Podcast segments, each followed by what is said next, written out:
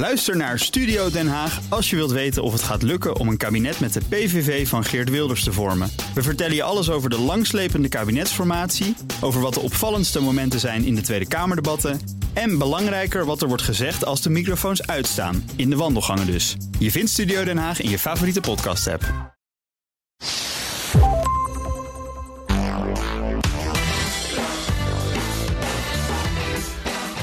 Welkom bij de Ben Tichelaar podcast bij BNR, de podcast over persoonlijk leiderschap. Elke week hebben we nieuwe tips en inzichten van heel inspirerende gasten die je helpen om je verder te ontwikkelen in je werk en de rest van je leven. Mijn naam is Ben Tichelaar en mijn gast in deze aflevering is Ben Kuiken. Ben, welkom. Heel erg mooi dat je er bent. Dankjewel, uh, Ben. Ja. Ja.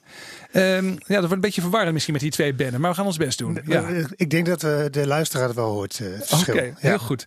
Je bent journalist, voormalig hoofdredacteur van Management Team. Toen hebben we elkaar eens een keer ontmoet in het verleden. Dat is alweer een paar jaar geleden. Schrijver van boeken als De Laatste Manager, Eerste Hulp bij Nieuw Organiseren en net verschenen De Organisatiefilosoof. Ja. Heel, heel, heel vlot geschreven boek, uh, zeg ik direct even buiten. Mensen denken, nou, het gaat over filosofie, dat zal vast ingewikkeld zijn. Het is een buitengewoon vlot geschreven boek, waarbij je ook echt leert om anders aan te kijken tegen ja, vraagstukken waar je in je werk mee te maken kunt hebben. Ja, of überhaupt werk. Hè? Dus kun je, kun je op een andere manier denken, kun je op een andere manier kijken, een andere manier praten over de organisatie, over je werk, over je carrière, dan je normaal doet. Want vaak loop je vast in je manier van denken. En dan kan het zinvol zijn om eens een keer op een andere manier te gaan denken. Ja, ja wat ik heel verhelderend vond. Je zegt sommige zaken die vergen gewoon een praktische oplossing. Hè? Dus als je, als je geen benzine meer hebt, dan moet je gewoon gaan tanken. Uh, praktische uh, aardse dingen. Maar er zijn ontzettend veel dingen ook in je leven en in het, werk, uh, in, werkle in het werkleven zou je kunnen zeggen. Waarbij de manier van denken eigenlijk heel bepalend is voor nou ja, of je überhaupt verder moet gaan met bepaalde oplossingen. Of misschien heel andere dingen moet gaan doen. Ja, ja een van de ontdekkingen die ik de afgelopen jaren heb gedaan is dat wij construeren veel van onze eigen problemen. Door bijvoorbeeld een bepaald ideaalbeeld te hebben. Ja. Dat we zeggen van nou, ik wil graag uh, uh, directeur worden van een bepaald bedrijf. Of ik wil een carrière stap maken. Of uh, ik heb een beeld bij hoe mijn medewerkers zich zouden moeten gedragen. En daardoor, daardoor zit, je, zit je jezelf als het ware, zet je jezelf als, als het ware vast ja. in dat beeld. En dan is het dan ga je dat vervolgens eh, de werkelijkheid beoordelen aan de hand van dat ideaalbeeld. En dan creëer je als het ware je eigen probleem. Ik wil er zo meteen nog even met je op doorgaan. Want dat was een van de dingen die ik in het boek tegenkwam. Op pagina 44. Ik heb, het, echt geleerd, ik heb het echt gelezen. Hè? Dus, ja. Heel fijn. Maar uh, waarbij je inderdaad ook over die ideaalbeelden spreekt. En ik mhm. dacht, potverdikke, dat is wel heel belangrijk. Daar gaan we zo meteen eens even wat meer aan okay. tijd gaan besteden. Um, maar een vraag waar ik graag mee begin, en dat is toch ook wel misschien wel dit inzicht, kan ook een ander inzicht zijn, maar dat gaat echt ook over jezelf. Want als filosoof help je andere mensen om anders te, te gaan denken over bijvoorbeeld mhm. over hun werk. Maar wat heeft jou nou aan het denken gezet in de afgelopen jaren, waardoor je zegt, oké, dat, dat heeft mij wel echt veranderd in mijn manier van werken of uh, optreden? Ja, nou, ik heb filosofie gestudeerd. Ja. Maar toen was ik nog heel jong en daar begreep ik er helemaal niks van eigenlijk. Uh, en toen heb ik inderdaad twintig jaar als journalist gewerkt. En toen ben ik op een gegeven moment eh, was ik bij, zat ik bij managementteam, was ik hoofdredacteur daar. En daar ben ik op een gegeven moment weggegaan. Niet geheel uit vrije wil. En toen was ik rond mijn veertigste. Vervolgens een maand later kreeg ik een hernia.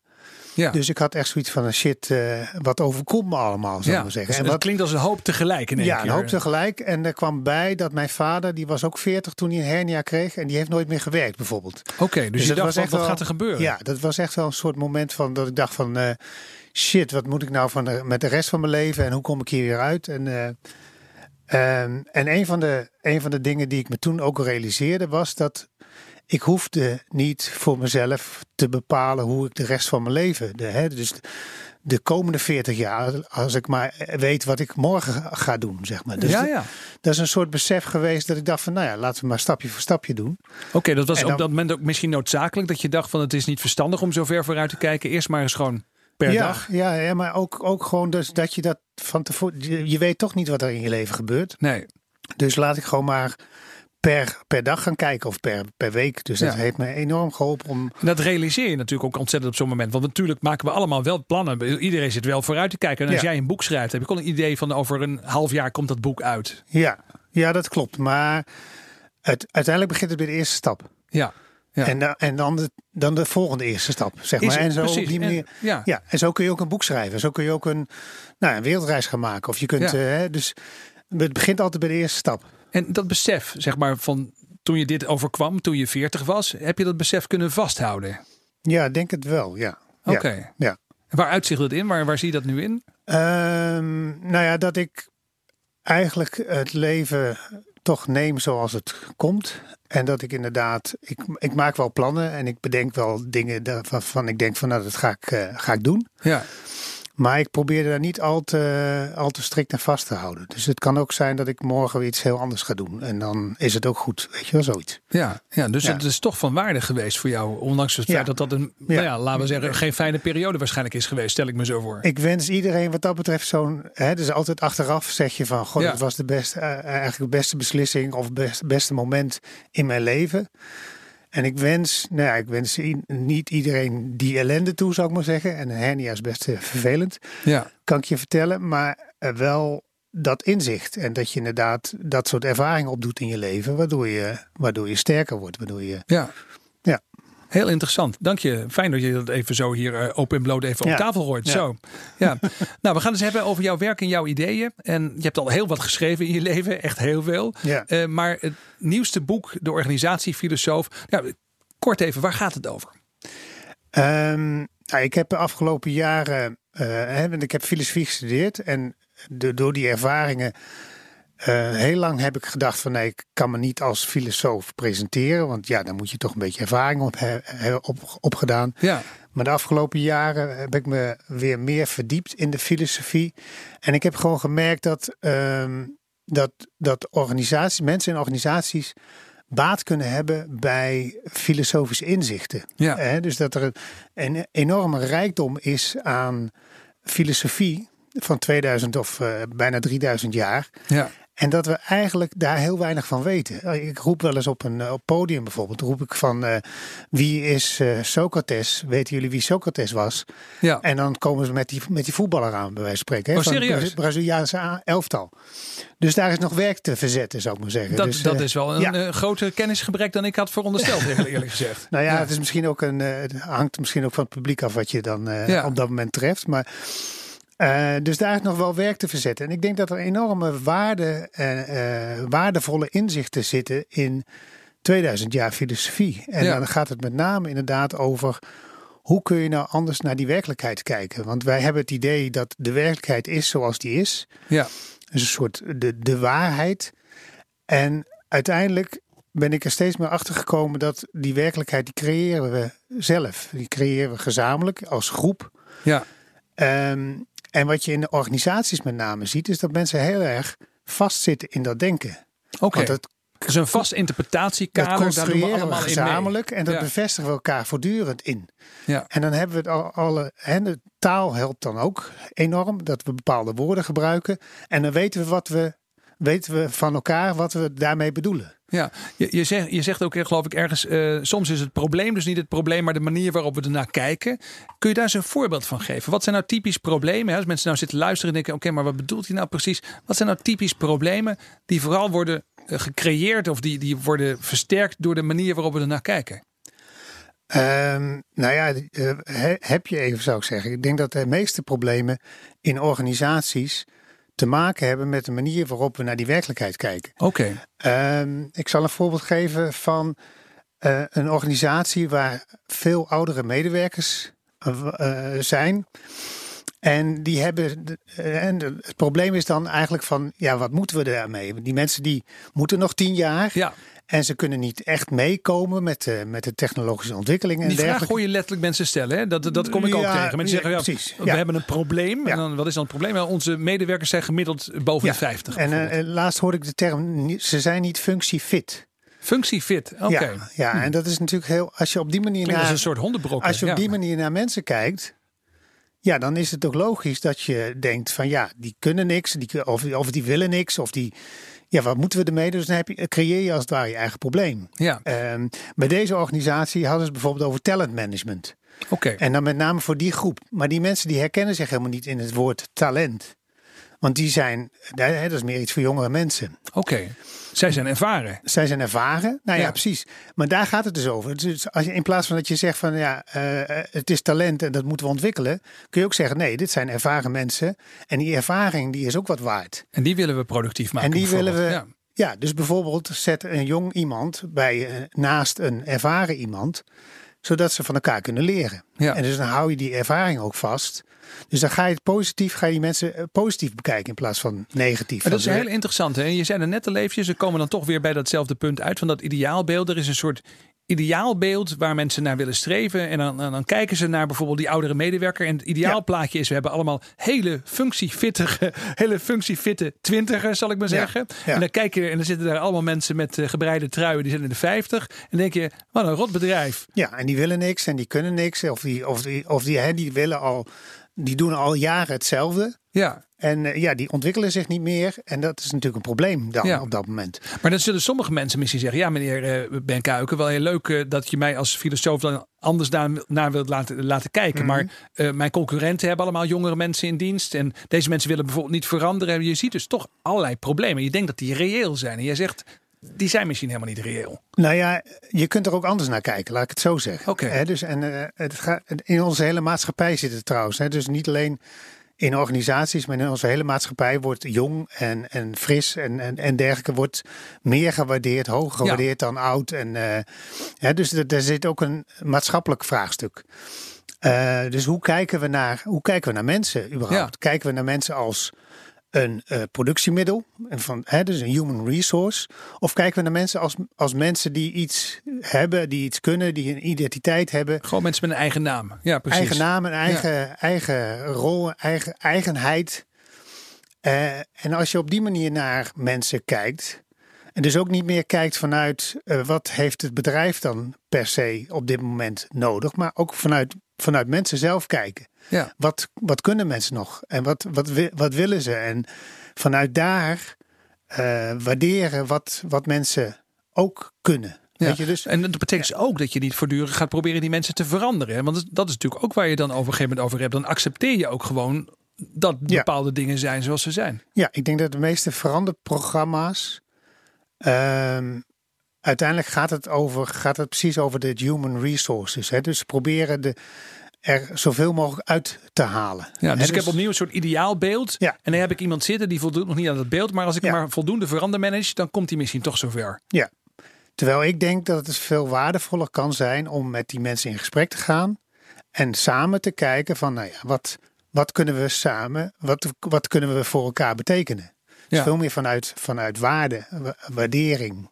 In plaats van vanuit nut, nuttigheid of uh, productiviteit. Zie, zie, je ook organisaties? Je komt bij veel bedrijven over de vloer. Je bent verleden, bij ontzettend veel bedrijven, ook als journalisten over de vloer mm. geweest. Zie je ook bedrijven waar dat wel goed gaat? Op een manier zoals jij dat, nou ja, zoals misschien jouw ideaalbeeld dan, uh, dan is? nou ja, precies. Dat is natuurlijk het gevaar van. Uh, hè, dus, als filosoof ben je altijd, uh, uh, moet ik het zeggen, het bijt zich altijd in, in zijn eigen staart. Dus ik ja. kan eigenlijk niet, geen uitspraken doen over een ideaalbeeld, omdat ik dan meteen, meteen mijn eigen verhaal onder, ondermijn. Uh, maar goed, je, je hebt toch een idee, idee, zeg maar, dat het. Hè, je geeft net al aan, soms kan het nuttig zijn om je uh, eerste aannames maar een beetje ter discussie te stellen. Of op zijn minst even te laten gaan, je oordeel uit te stellen. En, en dan zeg maar, uh, bijvoorbeeld door gesprekken met mensen erachter te komen, ja, wat kan er dan wel? Ja. Maar zie je plekken waar dat gebeurt? Nou, ik denk dat het dus op, uh, op heel veel plekken gebeurt. Alleen het is heel lastig om daar een soort algemeen uh, te zeggen van nou bij, bij Semco, hè, dus, uh, nou, ik ben toevallig in Brazilië geweest.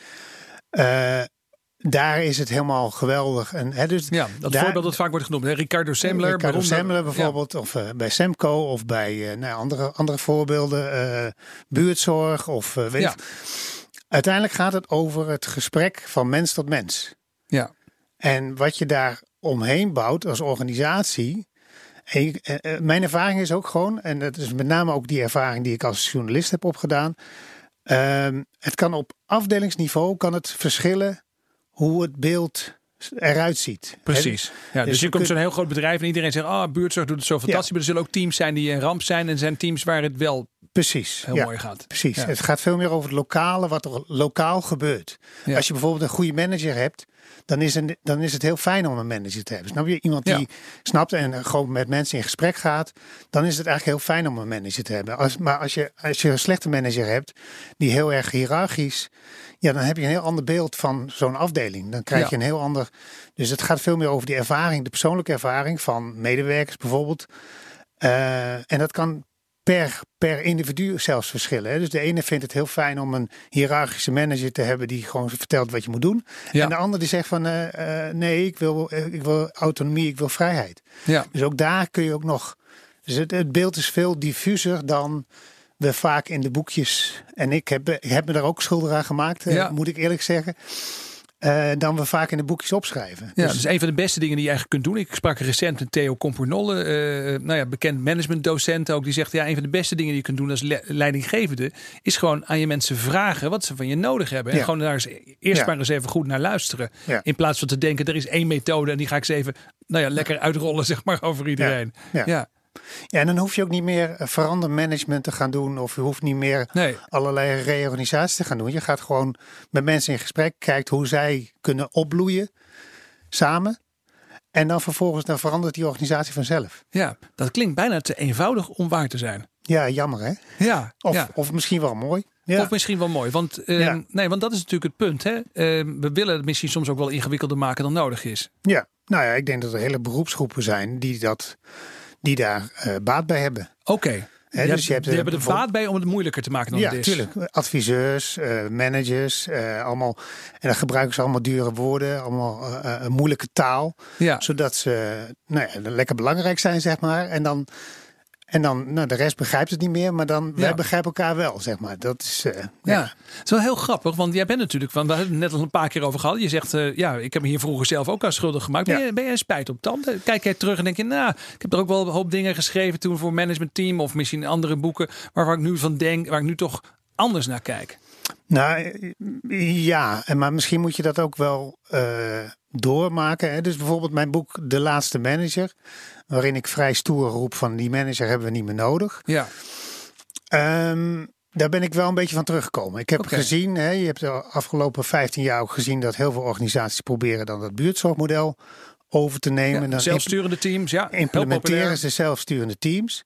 En die teams die worden knettergek omdat ze allerlei taken moeten gaan doen die ze vroeger de manager deed. Ja. Dus ik of, of, of, een van je vriendelijke collega's met wie je zeg maar altijd ja. leuk kon samenwerken, die ontpopt zich opeens tot een soort groepsdictator als je niet ja, uitkijkt. Nou ja, bijvoorbeeld. Ja, ja. Ja, ja, En het is soms ook heel fijn om een manager te hebben als je ruzie hebt met je collega, om die manager dan uh, te zeggen van hey, doe er wat, doe er wat aan. Zeg maar dat. Uh, dus maar ik heb nu een beetje het idee van ja, het is, het, het is genuanceerder dan dat. Ja. En dat is misschien ook wel de filosofische kant dat je. Het is altijd een soort balans. Ja. Kijk, aan de ene kant is het heel fijn om een manager te hebben, want die kan allerlei shit voor je opruimen. Aan de andere kant, als je een manager hebt die heel hiërarchisch is, waardoor er geen gras meer groeit onder. Ja. Uh, dan, dan heb je er meer last van dan dat je er plezier van hebt. Dus daar en, moet en ergens. Dus, en dus wordt het heel moeilijk om gewoon één waarheid überhaupt ja. uh, over management en ondernemen en dat soort dingen neer te leggen. Ja. Goed, en dat betekent dus we moeten zelf gaan nadenken. Uh, daar helpt jouw boek ons bij. Wat zijn nou een aantal denk uh, tips. Hè? Dat klinkt misschien een beetje te simpel om het zo te zeggen, maar toch denktips die je mensen zou willen meegeven. Als je nou eens anders wilt gaan kijken naar je werk of je denkt dat je een probleem hebt, um, wat, wat moet je als eerste doen? Nou, um, want het boek is inderdaad, ik heb het zo praktisch mogelijk geschreven. Hè? Dus ja. Een aantal filosofen zullen me dat misschien niet in dank afnemen, omdat ze zeggen van ja, het, is helemaal, het heeft niks met filosofie te maken. Het zou kunnen.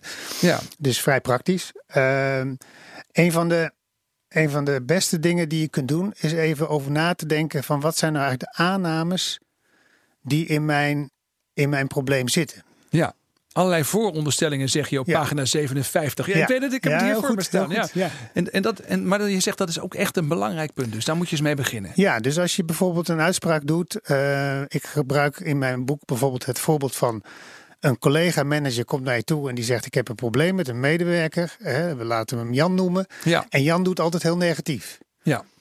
En er is geen land met hem te bezeilen en, en bla bla bla. dus, Dit is een voorbeeld uit de praktijk. Dit hoor je regelmatig. Dat hoor je regelmatig. Nou, Niks mee te beginnen. Heb je niet wat tips? Ja. Want dat is dan, uh, nou, dan kun je natuurlijk wat tips geven. Maar je kunt ook eens onderzoeken van welke aannames zitten nou achter die, achter die vraag.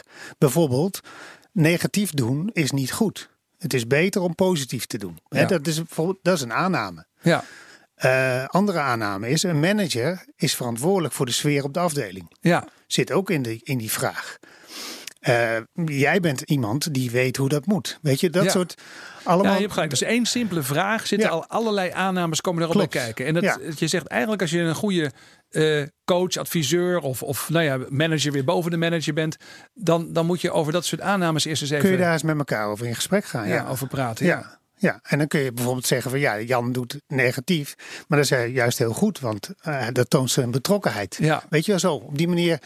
En dat klinkt heel simpel. Ja. Maar omdat Zou wij, niet iedereen leuk vinden als je het zo dat gesprek in gaat? Omdat wij zo, omdat wij zo gevangen zitten in die werkelijkheid, ja. kunnen we bijna niet anders denken dan op deze manier. Dat negatief doen, dat dat, dat dat vervelend is en niet goed voor de sfeer. Ja.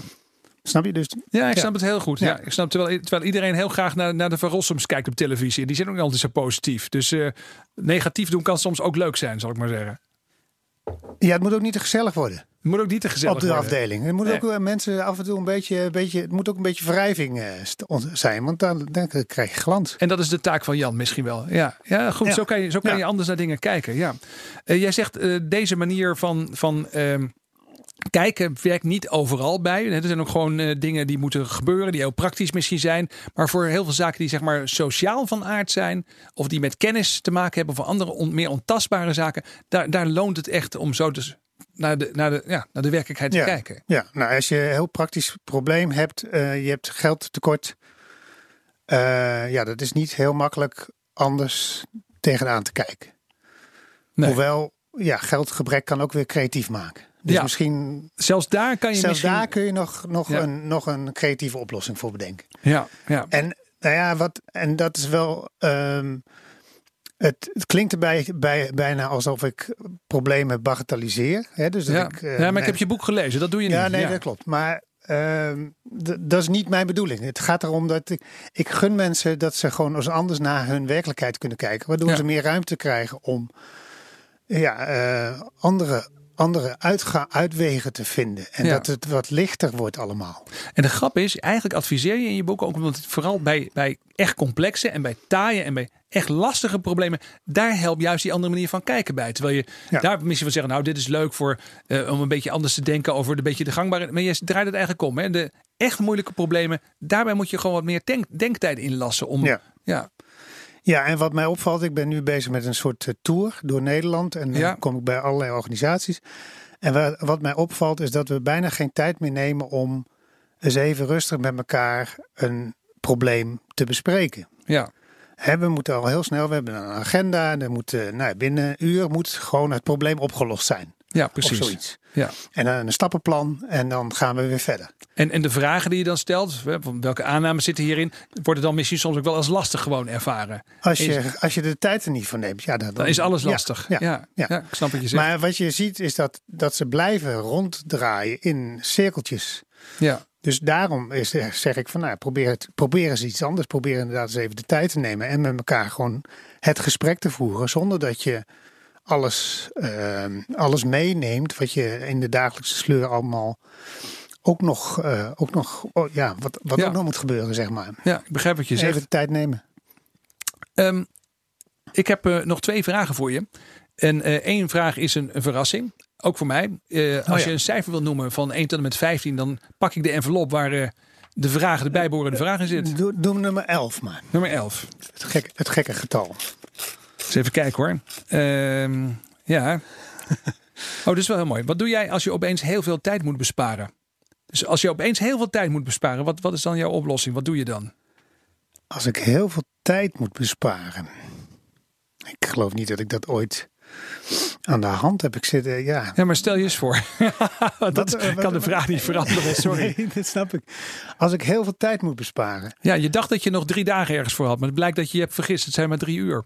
Oh, zo op die manier. Dan probeer ik rustig te blijven en dan ga ik gewoon dat doen wat ik nog kan doen. Ja, ja. Ja, eigenlijk dat. Of proberen andere, andere, andere manieren van, van denken.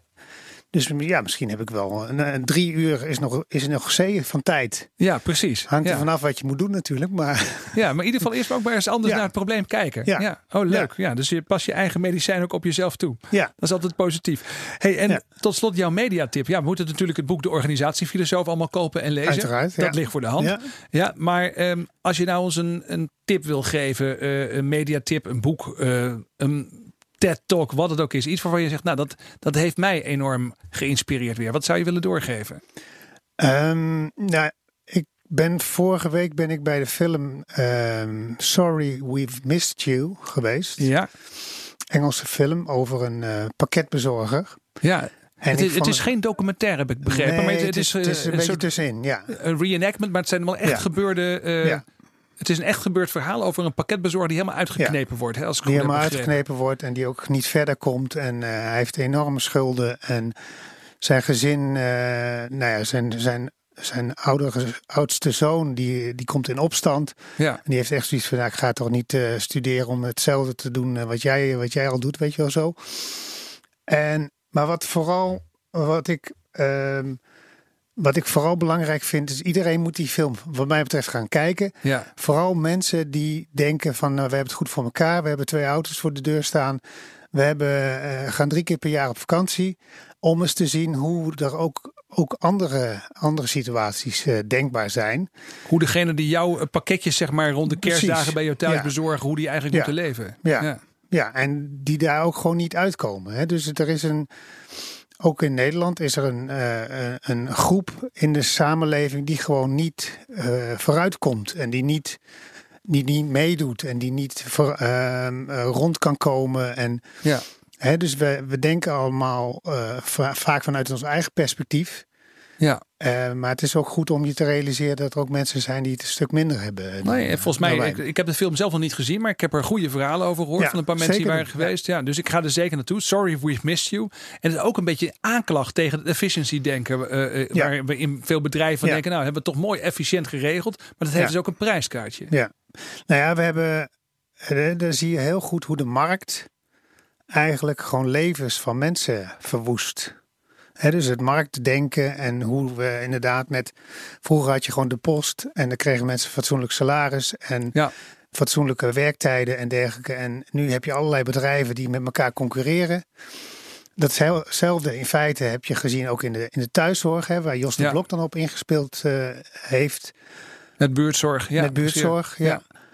ja. Um, en ja, inderdaad, door het marktdenken komen dat soort toestanden. Uh, ontstaan dat soort uh, toestanden. Ja. En zo'n film ja. kan je helpen om anders te denken en anders te kijken. Ja, ja en om mooi. je te realiseren dat niet iedereen het zo goed heeft als, als jij. Ja, nou, dankjewel. Ja, ja heel goed. Dank dat je uh, hier wilde komen, uh, Ben Kuiken, vandaag voor het delen van uh, jouw inzichten en je ideeën met ons. Erg leuk dat je er was. Ja, gedaan. Dit was de Ben Tichelaar podcast bij BNR met als gast Ben Kuiken. Vond je dit interessant? Check dan ook de andere podcasts op de BNR app of jouw favoriete podcast app.